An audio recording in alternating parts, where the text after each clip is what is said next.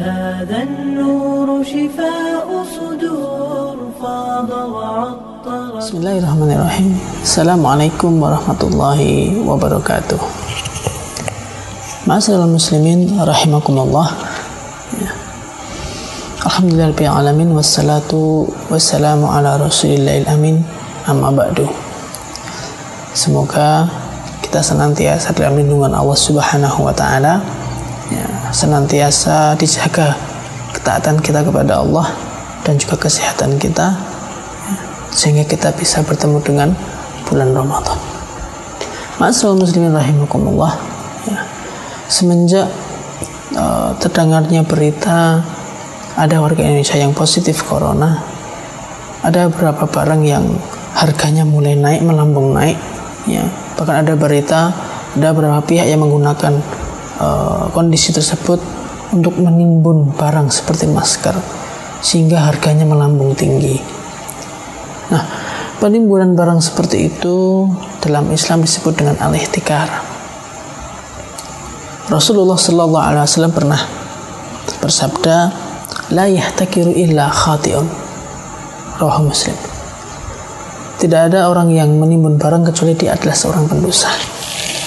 Imam Syaukani ketika mengomentari hadis ini, beliau mengatakan bahwa penjelasan Rasulullah Shallallahu Alaihi Wasallam bahwa pelaku penimbun itu berdosa itu menunjukkan bahwa perbuatan yang dilakukan itu adalah perbuatan yang haram.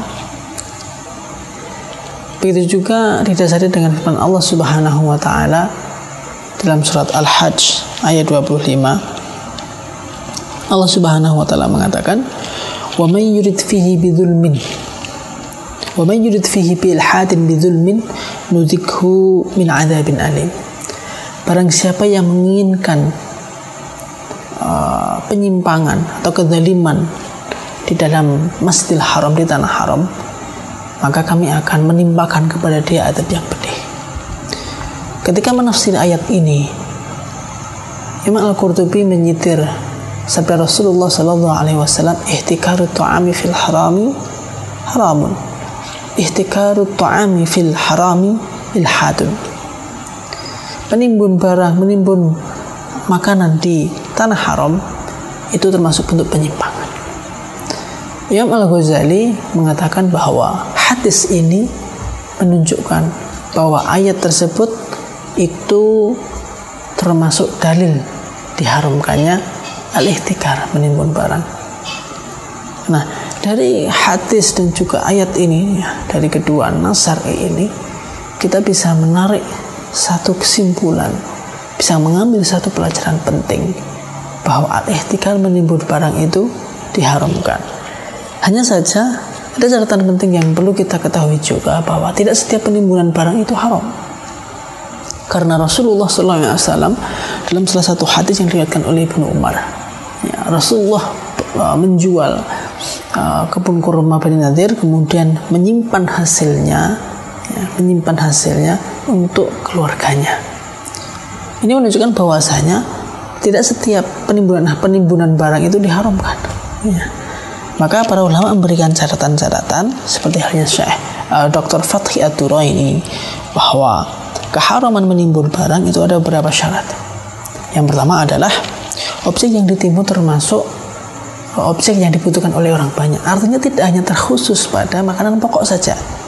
Ketika barang itu dibutuhkan orang banyak, maka menimbunnya itu nanti bisa berpotensi diharamkan. Ini syarat yang pertama. Kemudian syarat yang kedua, objek tersebut, objek yang ditimbun tersebut itu didapatkan dengan cara dibeli ya, dari tempat sekitar, ya, bukan diimpor. Alasannya apa? Alasannya adalah yang pertama, sabda Rasulullah Sallallahu Alaihi Wasallam, al jalibu marzuqun wal muhtakir mal'unun. Ya. Uh, orang yang mendatangkan barang dari luar itu semoga diberi rezeki oleh Allah Subhanahu Wa Taala. Sedangkan orang yang penimbun, ya, semoga dilaknat oleh Allah Subhanahu Wa Taala. Kemudian yang kedua, alasannya adalah uh, kebutuhan orang itu banyak tergantung kepada objek-objek di sekitar dia, bukan dari dari barang yang datangkan dari luar. Nah, ini syarat yang kedua. Kemudian syarat yang ketiga, tindakan tersebut dilakukan ketika harga harga itu naik dan dia tidak akan menjualnya kecuali ketika ya, harga itu bertambah naik. Ya. muslimin rahimakumullah. Nah, jadi uh, tidak setiap penimbunan barang itu diharumkan. Nah, terkait dengan apa yang kita alami saat ini, masker, alat kesehatan itu adalah sesuatu yang sangat dibutuhkan oleh kita. Mengingat begitu apa namanya masifnya penyebaran virus corona, maka kebutuhan kita kepada alat-alat kesehatan seperti masker, hand sanitizer dan semisalnya itu menjadi satu hal yang yang sangat dibutuhkan. Nah, berangkat dari apa yang dikatakan oleh Rasulullah SAW tentang haramnya menimbun barang, maka tak selainnya kita sebagai seorang Muslim itu melakukan perbuatan tersebut. Janganlah sampai ya kita uh, mengambil uh, keuntungan, mengeraup keuntungan yang banyak ketika orang lain sedang dalam kesulitan. Ya, bahkan mungkin bisa di antara kita itu dengan kelonggaran rezeki yang diberikan oleh Allah Subhanahu wa kepada kepada dia itu dia memberikannya kepada orang lain secara cuma-cuma. Demikian yang dapat kami sampaikan. Semoga bisa diambil manfaatnya. Assalamualaikum warahmatullahi